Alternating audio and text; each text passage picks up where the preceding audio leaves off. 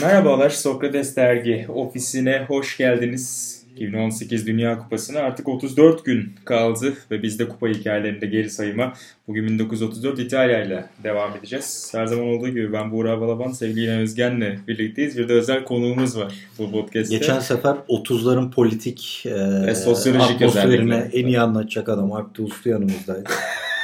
Bu sefer politikadan o kadar anlamaz ha, ama spor anladım. konusunda ama spora başka şeyler evet, karıştırabilen yani, bir isimdir. Aktu gibi politika seviyesine hiçbirimiz çıkamayacağımız Doğru. için. O bambaşkadır ama Aynen. yine de onun e, yokluğunu hissettirmemeye çalışacak bir isim var. E, sevgili İnan Özdemir bizlerle birlikte. Merhabalar benden de. Aktu katılamadı çünkü basket anısını anlatsam mı anlatmasam mı onun tereddütünü yaşıyor. Aynen. Baskı altında. Biraz onu çözüp katılacak o muhteşem savunma basketbolundan çıktığı anısıyla bizlerle olacak o da ilerleyen podcastlerde ama bugün ee, sevgili İnan Özdemir bizlerle İnan hoş geldin. Hoş bulduk ee, Futbolun futbol olduğu zamanları, 30'ları e, konuşmak dendiğinde yani, seni tabii ki. Aras Yetiş'te biz bu yola özellikle çıkmıştık. Onu da 30 podcastinde göreceğiz. Yani Aras Yetiş'te dedik Ama ki... arası böyle gidersek yani 2014'te falan göreceğiz. Hepsine geleceğim diye gelmiyor. Hani biz Aras'la şöyle bir pusula koymuştuk. Biz Dünya Kupası tarihi denince en iyi anladığımız iki kupa 34 ve 30. E, o yüzden bunlara gelmek istedik. Bir de Aras'ın denizciliği de olduğu için tabii. CV'sinde şimdi 30'un o Gemiyle gemi maceraları tabii. Yani arası orada sormak lazım. Rota nasıl çizilmiş? Doğru çizilmiş mi? Büyük ihtimal bir hata vardır orada arası. Onu, onun müjdesini de verelim. Tek tek mil mil konuşacak arası o yolculuğu 1930 podcastinde. Ama bugün Avrupa'nın ilk kupasında sıra İtalya'da e, Güney Amerika asıllı oyuncularıyla zafere ulaşan Mussolini'nin İtalya'sını evet. biraz konuşacağız sizlerle birlikte. Nasıl başlayalım? İtalya'nın Cemilyan Özgen önce dönüyorum tabii. Ya işte bu kupa Dünya Kupaları nasıl ilk propaganda kupası olarak adlandırılıyor Mussolini'nin. Ee, ama ben şeyi merak ediyorum aslında. Yani yana da onu soracağım diye kilitledim kendime. Güzel. Yani futbol hep kullandığı söylenir ya bütün liderlerin falan ama ee, mesela Hitler aslında atletizmi de kullanmak istemiştir filan. Yani Mussolini mesela bisiklete böyle bir etkisi var mı o dönemde? Yani bisiklette ikonları var mı? Propaganda aracı olarak kullandı. Şöyle e, özellikle işte biz İran Özgen'le dergi için bir röportaj yapmıştık. Bundan bir sene, bir buçuk sene önce. İtalyan e, sporu üzerine çok uzman, tarihi üzerine uzman bir İngiliz akademisyen John Foot'la bir söyleşi yapmıştık. John Foot'la da konuşurken ki bu çok anlatıla gelen bir şeydir. İtalyan spor tarihini hep şey diye ayırırlar. 1950'ye kadar her ne kadar insanlar 1950'ye kadar da futbolun çok popüler olduğunu düşünse de 1950'ye kadar bisiklet Hmm. 1950 ve 60'larla birlikte radyoların yükselişi, gazetelerin gücünün azalışı, başarılar, futboldaki başarılar, televizyonun gelişiyle birlikte futbolun yükseldi söylenir. Ama bu demek değildir ki o zaman futbol yok elbette. Ama İtalyanlar o dönemlerde biraz daha bisikleti ön plana çıkarıyorlarmış. Şöyle bir etki söyleyebilirim. O zaman yarışçı olarak değil ama Mussolini döneminde İtalyanlarda şöyle bir e, ikon var. Şu anda ikonun adını unuttum. E, tekrar onun adına bakacağım. Tek bacaklı olduğu söylenen bir bisikletçi efsanesi var İtalyanlarda. Ve o dönemlerde şey çok çıkıyor savaşlarda bisikletçilik yapan bisikletçiler, hmm. cepheye yardım götüren bisikletçiler ve o savaş atmosferinde İtalyanların hep böyle bisikletçi ikonları var. İşte kartpostalları bu bisikletçilerin atları ve fotoğrafları basılıyor. Mussolini döneminde rejim onları paraların üzerine basıyor fotoğraflarını. Birazdan ismini de söylerim. Hakikaten de o dönemde çok önemli ikonlar çıkardığı söylenen İtalyanların.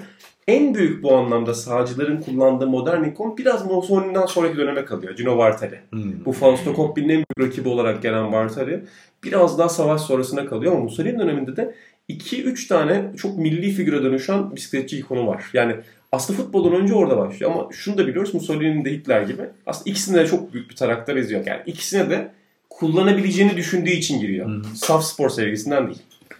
Ee, buna benzer işte hani otoriter liderlerin sporu kullanma konusunda işte ilk örneklerden biri olarak Stalin de bilir ama onda mesela farklı bir tarz. Biraz daha ülke içinde kullanıp uluslararası mücadeleler hatta sporcu yollamama gibi bir yöntem var. Ama Mussolini ile e, Hitler'den bahsettiğimizde biraz daha işte uluslararası mücadelelerde tamamen dünya basınına da onun propagandasını yapabilecekleri bir versiyon var. Hatta Belki o anlamda bir farklılık. Stalin'de şeyi okumuştum ben. Ee, olimpiyata katılmasını istemiyor ülkesine. Hı. Ve onun ölümünü bekliyorlar olimpiyat komitesine başvuru yapabilmek için. Çünkü ölüm döşeğinde falanken bile itiraz ediyor buna. Çünkü onun için bir satış. Çünkü o zaman Sovyetlerin kendi olimpiyat oyunları var başka yaptıkları Hı. ve değerlerinden vazgeçiş olarak görüyor bunu.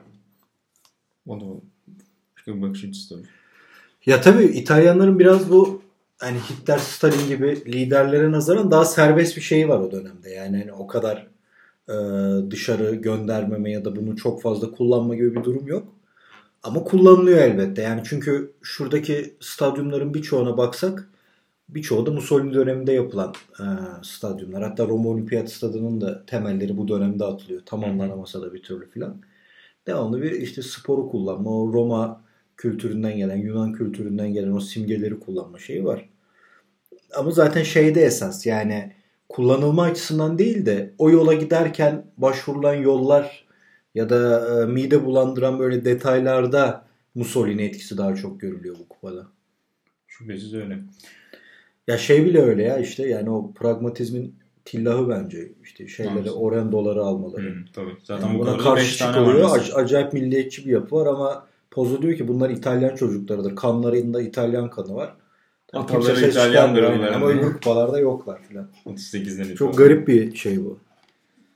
Dediğim gibi yani tamamen milliyetçilik üzerine, ırk üzerine kurulan bir siyasetin aslında 5 tane Güney Amerika doğumlu oyuncuyu, yabancı oyuncuyu kendi Tabii canım. takımı Bir de. Monty gibi filan önemli adamlar var yani. Tabii. Öyle az buçuk adamlar da değil.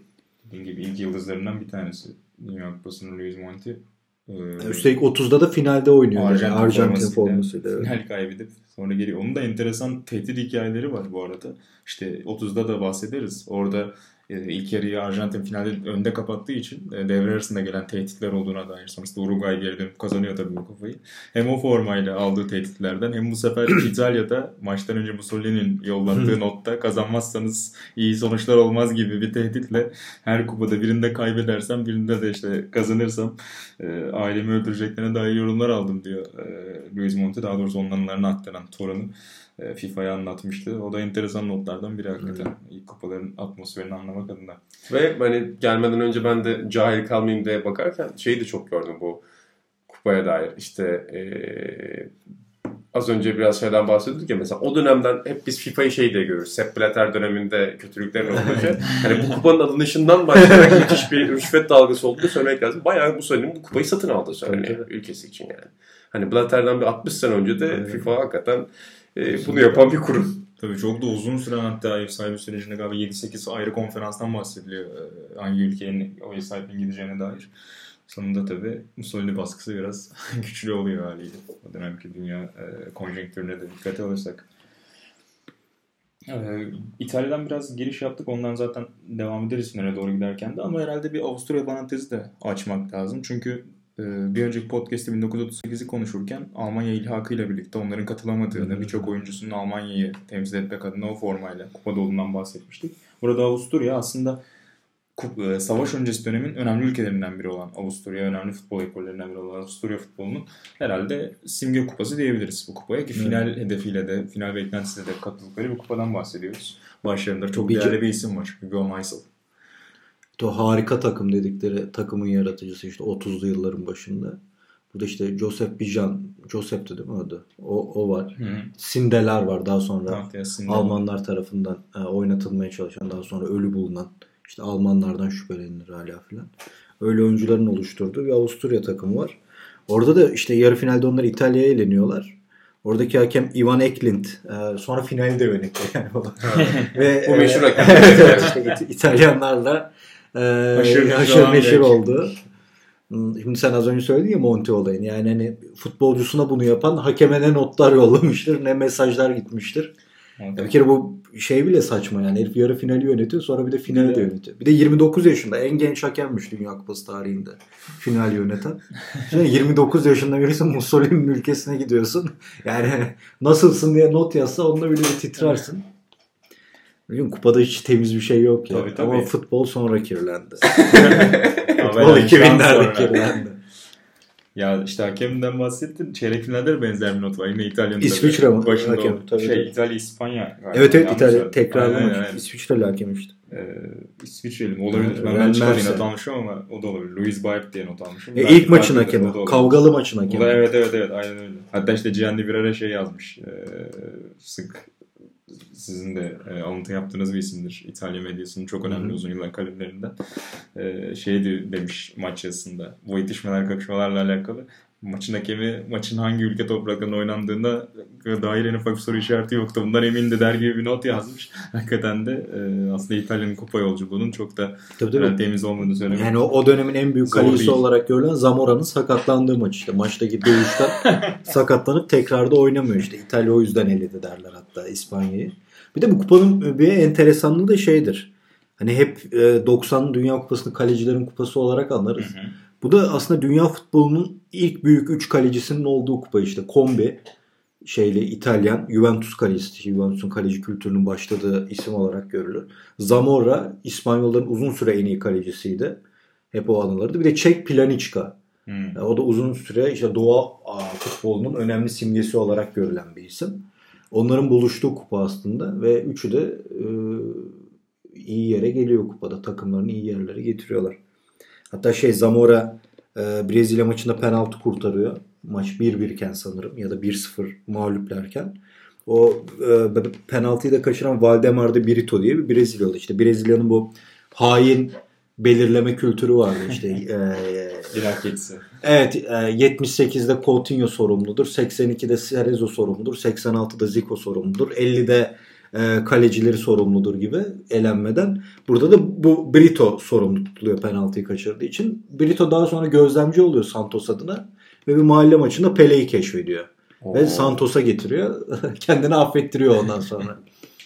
o güzel bir hikayedir yani. yani. Mahalle maçlarını izlerken bir yanda bir çocuğu görüp Pele'nin hayatını anlatan filmde de ufak bir biraz daha tabii şeyli böyle dramatik bir şekilde hatta Pele'nin o bırakıp gitmesini filan engelleyen tren istasyonunda onu alan adam olarak anlatılmış da Doğru evlat. ilk, ilk hali doğru yani. Mahalle maçında Pele'yi keşfetmesi doğru hikaye. Evet. Bence bu kupanın en güzel hikayesi budur bu arada yani. Muazzam detay. Çok güzel. Zaten çok da böyle sayfalarca çarşaf çarşaf okuyabileceğiniz bir şey yok kupada. Tabii, Alakalı işte görüntüler şunlar bunlar olmadığı için özellikle tabii İtalya'da olması, İtalya basının çoğu e, o dönemki e, basın kuruluşlarının, yazarların tabii ki hükümetin e, daha doğrusu rejimin baskısı altında olması biraz daha tek taraflı yazıların daha fazla e, okunabilir durumda olmasını getiriyor. Onunla birlikte de tabii e, daha önceki kupalara oranla daha, daha doğrusu daha önceki podcastlere bahsettiğimiz sıradaki kupalara oranla çok daha az kaynak var hiç şüphesiz o dönemlerden. Bir diğer benim ilgimi çeken hikaye de şey e, Giorgio Ascarelli stadı. E, Napoli'de. Napoli'nin ilk başkanının adını alıyor. Daha sonra tabii Mussolini değiştiriyor bu ismi. E, yani kupada Mısır ilk maçını burada yapıyor. İlk Afrika takımı bu sahada e, Dünya Kupası sahnesine çıkıyor. Ama daha da enteresanı 1937'de kadın seyircilere bedava maç izleme imkanı sunulmuş. Yani ilk kadınlara e, futbolun içine sokan statlardan biri. Daha sonra da 2. Dünya Savaşı'nda bombardımanlarda alt üst olmuş. Hmm. Ve şu an yerinde hiçbir şey yok yani. Bu kupanın enteresan anlarından, enteresan nedeni sahnelerinden biri bu statta. Şüphesiz. Ee, şey de enteresan tabii. Son şampiyonun yer almadığı bir kupa oynanması da bir garip. Burada da Uruguay şey yapıyor değil mi? Yani siz var. gelmediyseniz ben de 1930'da geldim. davetimize cevap vermediniz. Sonra da biz gelmiyoruz. Ben de işte az önce Mert Aydın'ın kitabında okudum. En hoşuma giden detay o oldu. Yani Avrupalılara siz benim kupama değer vermediniz. Ben bundan sonra bir daha gelmiyorum. Uzun yıllar da gelmiyorlar galiba değil mi? Yani sadece bu kupaya da değil bundan sonra da Yok gelmemeye işte devam. 50'de geliyorlar sonra. Hmm. Savaştan sonra. Bu da Brezilya'ya yakın diye gidiyorlar. Oradan- Çok güzel Bence burada gidiyorlar. gemiyle gelmeye üşendiler. O da olabilir. hem üşenmesi hem bir yandan maliyeti o sofusu da Tabii işin canım. içindedir muhakkak. İşte denizci Aras olsaydı sorardı Doğru, bütün doğru. hepsini. Mil başına olan ücreti öğrenirdik ondan 1930'lardaki ama onu da bir sonraki podcast'te saklayalım artık. Ee, çoğu tabi Avrupa odaklı e, takımların geneline baktığımız 16 takım var. E, 12'si yanılmıyorsam Avrupa'dan. E, onlar da zaten ilk turun e, sonrasında diğer kıtalardan takım göremeyeceğiz. Tamamen Avrupalılara sahne sunuluyor. İtalya'nın oyun tarzı da aslında garip. Yani o dönem işte hep 4-5 forvetli o sistemlerden bahsediyoruz futbolun ilk evriminde. Ve bu da tabii ki bol bol gol getiriyor. Maç başına gol oranlarının çok yüksek olduğu e, kupalardan bahsettik zaten. Ama İtalya biraz daha böyle sıradaki turları işte 1-0'lar, 1-1 biten işte tekrar edilen maç var İspanya'da örneğin. O anlamda da enteresan aslında. Farklı bir boyut ortaya koyuyor. Biraz daha böyle hani savaşçı tarafı saha dışındaki sahaya da yansıtıyor gibi. Az önce bahsettik. Kavga gürültü olduğundan sık sık. Ya zaten bahsettiğimiz Arjantin oyuncular Monti başta olmak üzere dövüşmeyi seven oyuncular. Yani özellikleri zaten kavga etmeleri sahada. Onun dışında işte kalecileri zaten dönemin en iyi kalecilerinden ve e, Poz'un geçen 38'de de bahsetmiştik. Yani futbola kattığı şeylerden biri aslında düzenli bir savunma sistemi. Hı hı. Yani ikili oynasalar da o metot sisteminde bu oyuncuların uyumlu olmasını veya işte o kenarda oynayan ileri hücum oyuncularının geriye gitmelerine, yardıma gelmelerini istemesi filan hep konuşulur. Ya, tabii onun da etkisi oluyordur yani. O dönemki oyunda iki kişinin geride kaldığını düşün. Hani bir adam bile yardıma gelse o fazlalık fark yaratıyordur yani. Çünkü çok komik yani o, o futbol. E, Bunun da etkisi vardır. E biraz şeyin de ya maçları izleyemediğim için belki hakemler hani Hıncal Uluç hep der ya orta sahayı geçirmedi hakem. Bu en büyük şeydir. Penaltı verse daha iyiydi diye. Ya öyle şeyler de dönmüş olabilir yani. Hani Doğru. takımların yüklenmesine, baskı kurmasına izin vermiyor bile olabilirler. O da mantıklı tabii yani. O dönemin şartlarını konuşunca. Ee, Avusturya'dan, İtalya'dan biraz bahsettik. Ee, yarı finalin diğer tarafında da Çekoslovakya ile Almanya var. Final gören Çekoslovakya'da zaten gol kralı da Oldrich Niyet'le oluyor. Bir kupada işte 5 gole fazla atan çok fazla zaten oyuncu yok kupa tarihinde. İşte Kubiyaş, e, Müller, Klose birkaç oyuncu var. Onlardan da bir tanesi. Yani Jules Fontaine'leri falan da sayacağız tabii ki. E, geçtiğimiz podcastlerde değinmiştik. Oldrich Niyet'le de bu kupanın yıldızlarından biri o anlamda. Çekoslovakların. Diğer kupada da galiba atıyor. yapıyor zaten. Aynen. Yanlış Diğer kupada da 38'de de golleri var. Aynen öyle. Ee, seyirci ortalaması 22 bin. Ee, yani işte özellikle tabii İtalyan maçlarında bir 60 bin civarı işte katılımın olduğu kupa e, maçlar var şüphesiz ama o dönem birçok e, farklı adreste de gördüğümüz gibi ev sahibi takım oynadığı maçlara ilgi çok fazla elbette ama diğer şeyler boş diğer e, maçlar oynandığında. Biraz o şeyle de alakalı. Bugün mesela işte Bu bizde kullanılan bir ta- hala Tabii, bir tabii. stratejik biçimde. yani Türk sporunda bir özettir bu da. yani 70 yıl öncesinde biraz Yine o Hristiyan. Türkler tanımın bir kez daha. Çok benzer bir durum. Ya orada biraz fikstürle de alakalı. Bazı işte atıyorum iki yarı final maçının aynı gün farklı statlarda oynanması tabii ki yani hani ev sahibi İtalya taraftarının kendi takımları izlemeye gitmesini Bir getirebiliyor. de orada şey duymuştum. Şey duymuştum değil mi? Kimden duydum yani? Şeyi okudum. Ee, Mussolini radyo spikerlerine şey diyormuş. Hani ne kadar ince detaylara kadar düşünüldüğüne bakın. Stadyumlar dolu söyleyin diyor. hani stadyum değilse bile stadyum full olacak. O bilet satışına bayağı müdahilmiş. Çünkü istiyor ki kocaman statlar yapıyorlar. O kolektif şeyi göstermek istiyorlar. Kimse maça gitmezse olmaz yani. O zaman da böyle herkesin ha Dünya Kupası şehre gelmiş gidin diye de bir mantığı yok. O da diyormuş ki aman aman beyler dikkat edin. bana." Çaktırmayın bozmayın diye. Hani o sayılarda da bir e, uydurma çok olabilir, olabilir. şey 60 olabilir. binler, 70 binler onlar biraz uydurma olabilir. Ee, bugün uyguladığımız şeylerin aslında o da hani seyirci sayısının da şişirildiği şeyler biliyorum. Evet. Ya bugünün bazı Her ülke karşılaşmalarında. bunu çok yapıyor. Yani bir sürü sporda ben bunu çok görüyorum. İşte yani 10 bin ekliyorlar falan. Mesela bakıyorsun stadyumun kapasitesine 10 bin eklenmiş. Nasıl oldu? İşte aralara oturuyor. Evet, Evet, falan filan diye şey yapıyorlar. Bayağı, bayağı şu anki basketbol süper liginde bile o gördüğümüz Hmm. maçlar oluyor yani. Hani Stat kapasitesinin Almanya 3000'in altında demişken- olduğu. Geçen şeyden bahsetmiştik işte. Ee, Herberger'in Sefer göreve Berger. gelişinden. İşte Almanya'da Otto Nerz var burada. Hı hı. Önemli taktisyenlerden biri olarak görülür dünya futbol tarihinde ama 36'da olimpiyatlarda Norveç'e eğlenince Almanya babaya siktiri çekiyorlar. Hitler sinirleniyor ve e, görevden alınıyor. Yerine Herberger geliyor.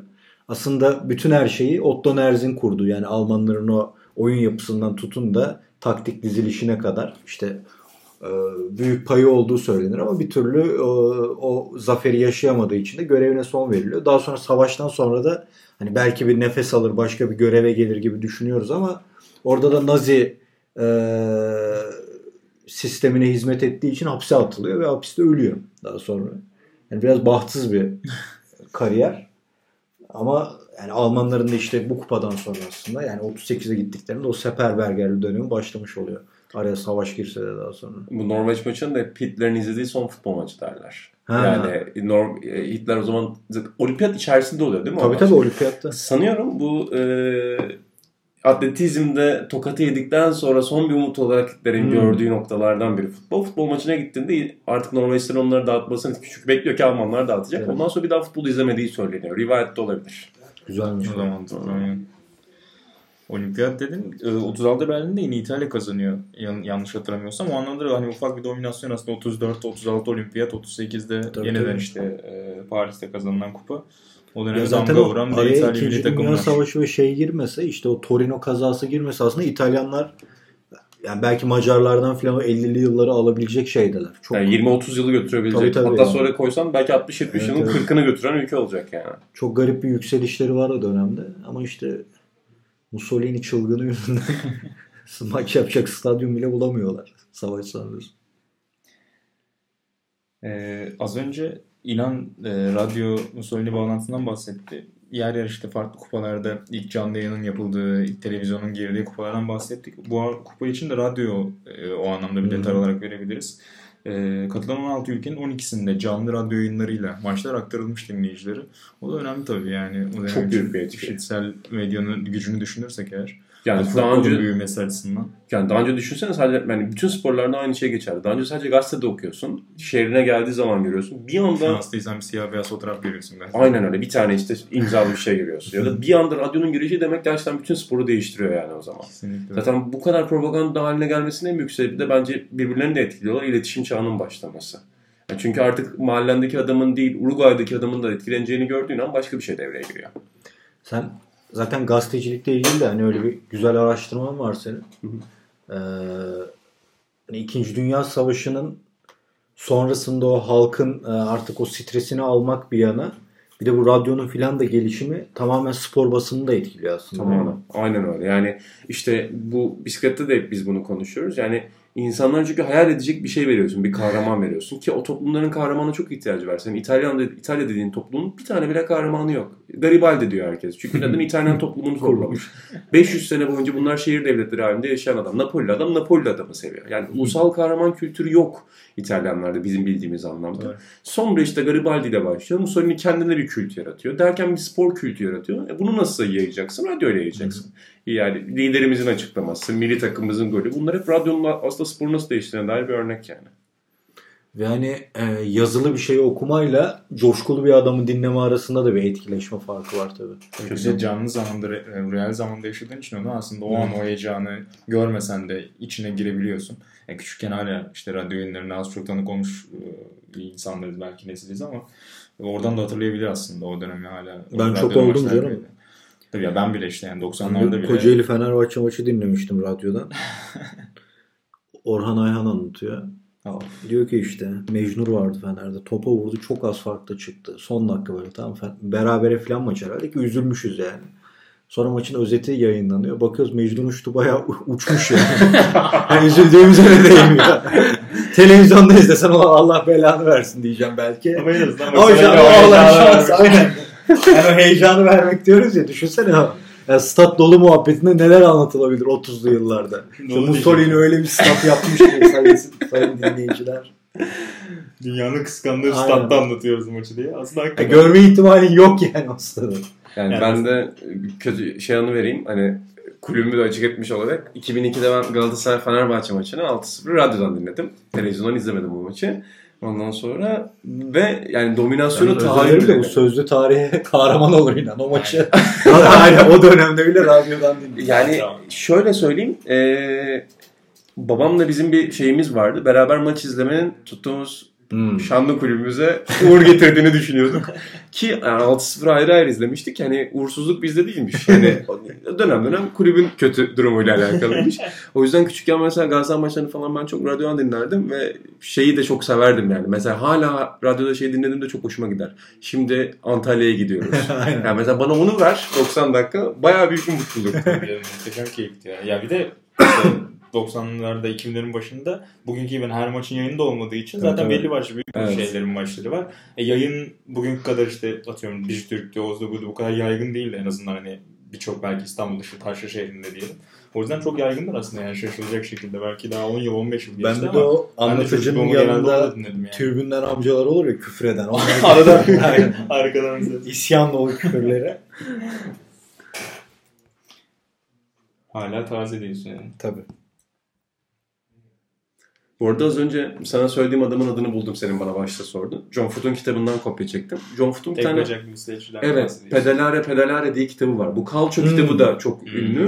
Ama bu pedalar pedalar da İtalyan bisiklet tarihi üzerine yazdı kitap. Ee, Enrico Totti diye bir adam bu. Totti değil, Totti diye bir adam o zamanlar ortaya çıkan. Tek bacağını kaybediyor tren yolunda çalışırken. Sonrasında Dünya Savaşı'nda, Birinci Dünya Savaşı'nda e, asker olmaya çalışıyor. Fakat diyorlar ki sen tek bacaklısın, giremezsin. Savaş boyunca sürekli bütün İtalyan'ın katıldığı savaşlarda ona mektup yazıyor, buna mektup yazıyor, beni askere alın diyor kabul etmiyorlar ve işte İtalya Avusturya rekabeti her zaman vardır ya ülke olarak birbirlerini çok sevmezler şey olarak.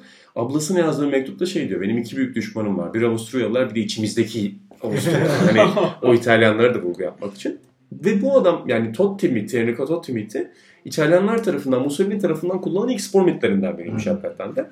Öldüğünde hakkında o kadar çok mitler başlatılıyor ki bütün okullara büstleri yapılıyor. Bütün okullardaki kitaplara bunun açıklamaları ve mektupları giriyor. Mussolini şöyle bir açıklama yapıyor 1920'lerde.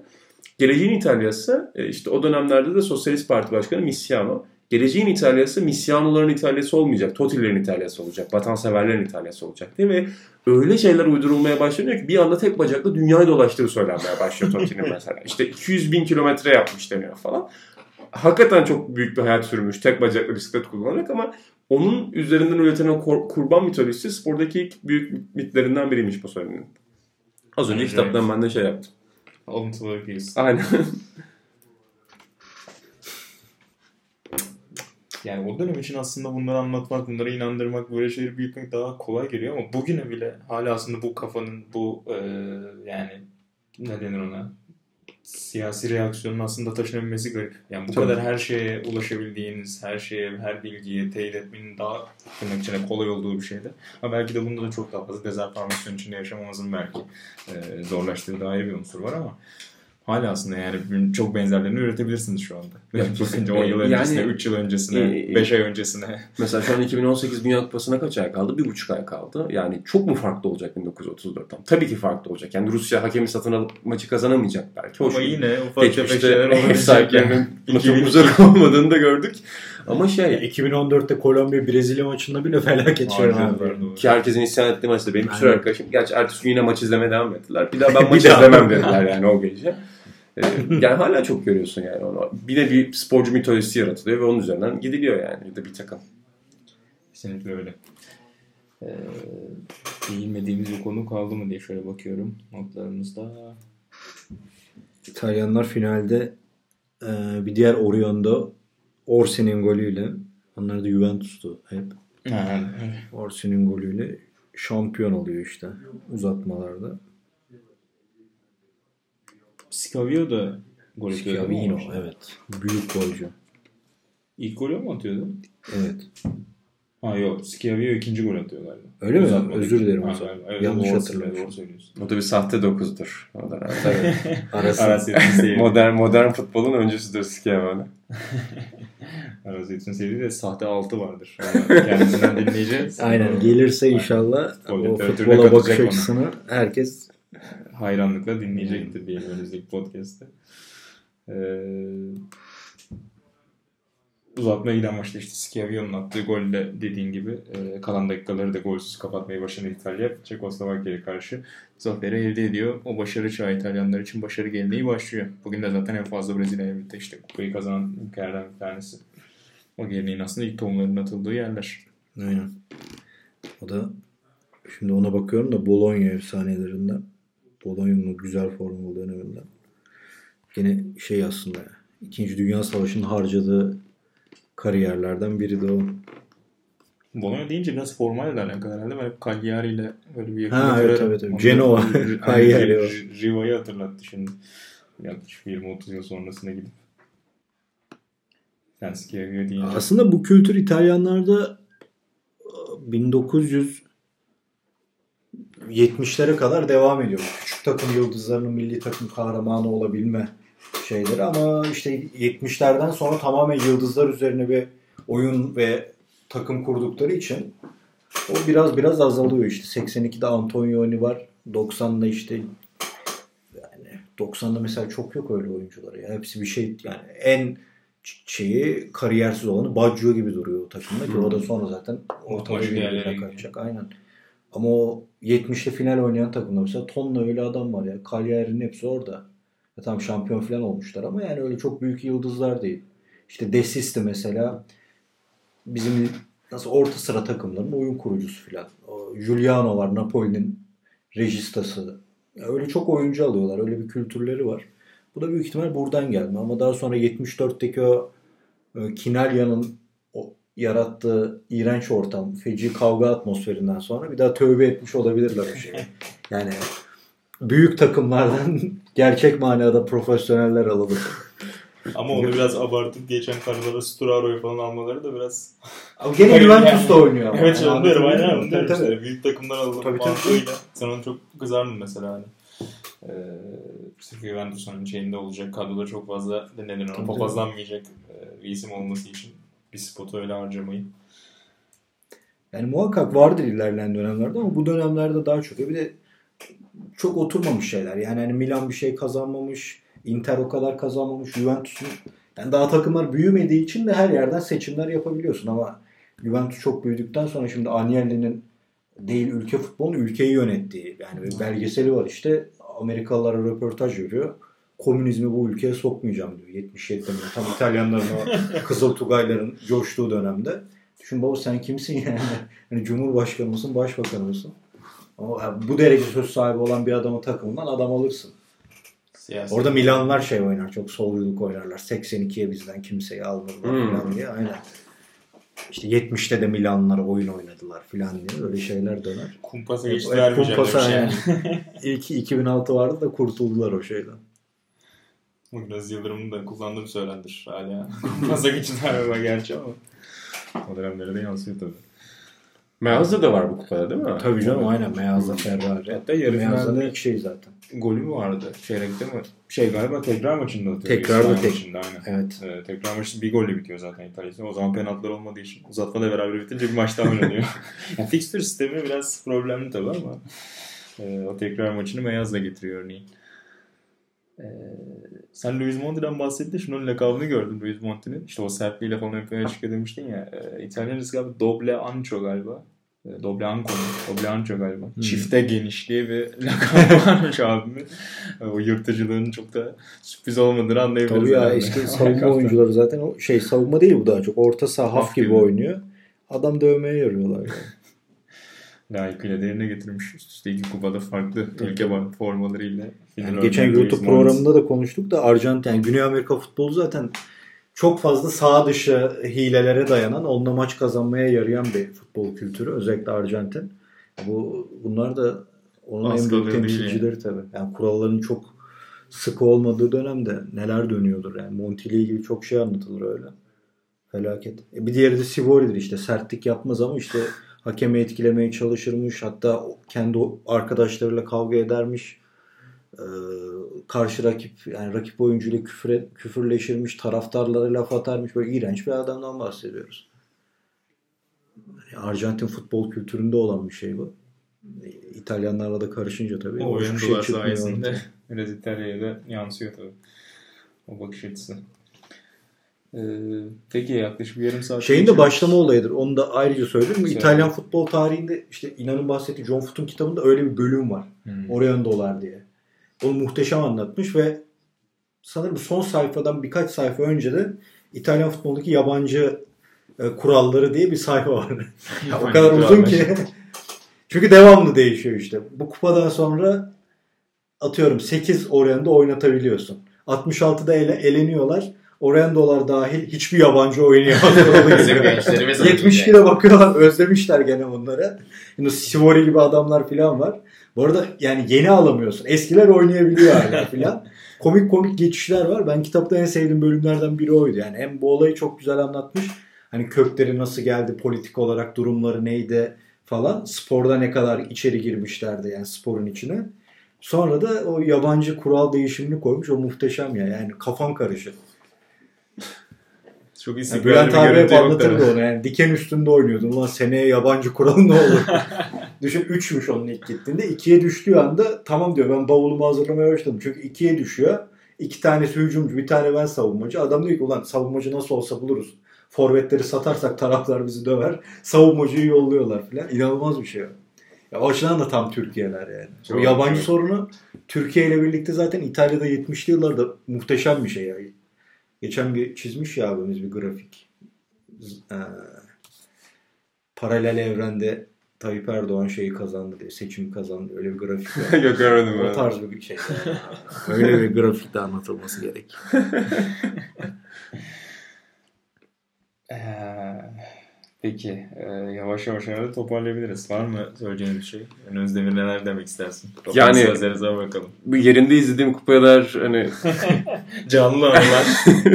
Türkiye'de var mıdır öyle gazeteci anlatan? Çünkü şey olabilir. 34 yerinde izleyip 34'ten sonra bir daha futbol futbol olmadı. öyle öyle diyenler vardır kesin. Ama e, Korkak antrenörler. Pozzo sisteminden Kor, oynanırdı diye. Yani açıkçası benim söyleyeceğim zaten bir şey yoktu. Yani olmayan şeylerin üzerine bir şeyler bulmaya çalıştım. Size konukseverliğiniz için teşekkür ederim. Biraz muhabbet dağıttık. Büyük bir, 30'da. keyif, büyük bir keyif var. Hayır. Bisiklet çağının bence Satır başlarından çok hikayesinden daha ilgi çekiciydi. Şüphesiz öyleydi. Ee, keza bizim de zaten yiyeceklerimiz sınırlıydı. Evet. Gördüğünüz gibi 34 Zaten biliyorsun, biliyorsun bisikleteler Atan'ın tepkisi şey e, her şeye bir hikaye bulmuşlar. Yani bir şey diyorsun diye bir kelime buluyorsun diye onun hemen bir hikayesi çıkıyor diye. Öyle o açıdan bir avantajı var. Yani futbolda çok var ama öbürleri biraz daha abartıyorlar hikayeleri. Ya da Atan hiç Ama abartmaz mesela hikayeleri. Daha Futbol- verimli kullanacağımız 2000'li yılların Oo, kupaları da yaklaştı. yaklaştı. Bu karanlık dönemler az kaldı. Sona erecek. Ee, 30 Orada- ardından. Orada Alman düşmanlığıyla yanımızda olacak. Çapcanlı anılarla e, 2000'lere de uzanacağız son 20 güne yaklaşırken. Peki e, kupa hikayelerinde 34'te böyle toparlayalım o Kaç zaman. dakika oldu? E, 34'ü biraz geçtik. 35-36'dayız. Bunu Fena tutturamıyoruz hiç. E, 30'u bakalım Arasya izin verirse yarım saatte toparlamaya çalışırız. Sonrasında da 2000'lerle yola devam edeceğiz değerli dinleyenler. E, kupa hikayelerine yeniden buluşmak üzere diyelim. Huzurlarınızdan ayrılalım. Teşekkür ederiz dinlediğiniz için.